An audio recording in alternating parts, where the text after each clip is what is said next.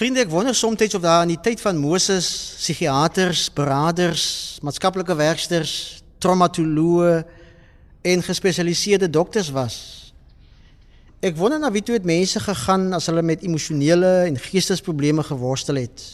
Ek kan my net indink dat daar oor 'n tydperk van 40 jaar of selfs langer deur die woestyn allerlei liggaamlike probleme en geestesiektes onder mense moes ontstaan het. Wie het dan tot hulle redding gekom? Dit lyk vir my asof hulle al hulle probleme op Moses gepak het.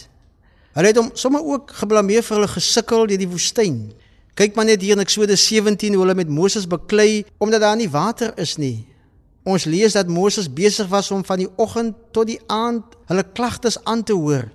Geen wonder dat sy skoonpa Jethro vir hom in Eksodus 18 sê hy moet vir hom geskikte manne kry om hom by te staan nie, maar dan lees ons Moses het behalwe dit ook nog elke keer die Here geraadpleeg.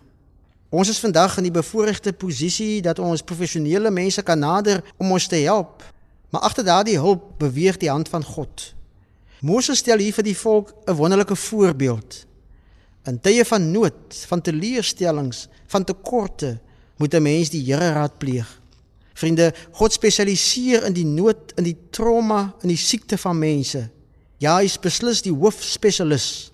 Ons lees baie duidelik in Eksodus dat Moses hom elke keer tot God gewend het voordat hy met die volk gepraat het.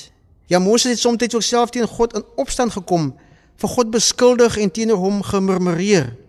Wanneer siekte, hartseer en teleurstellings ons oorval, is God daar as die groot spesialis, die kenner om ons sondevergoeding tegemoet te kom.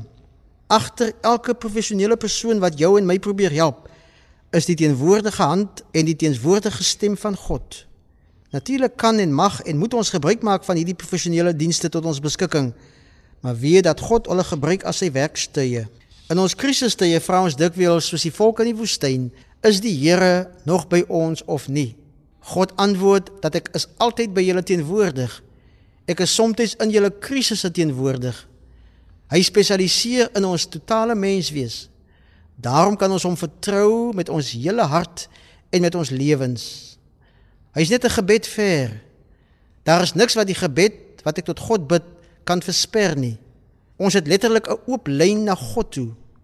U kan maar gerus daarvan gebruik maak. Dankie liewe Vader dat ons met al ons krisisse net na U toe kan draai, want U is net 'n gebed ver. Dankie vir U versekering dat ons nie bang moet wees nie, want U is naby ons. Amen.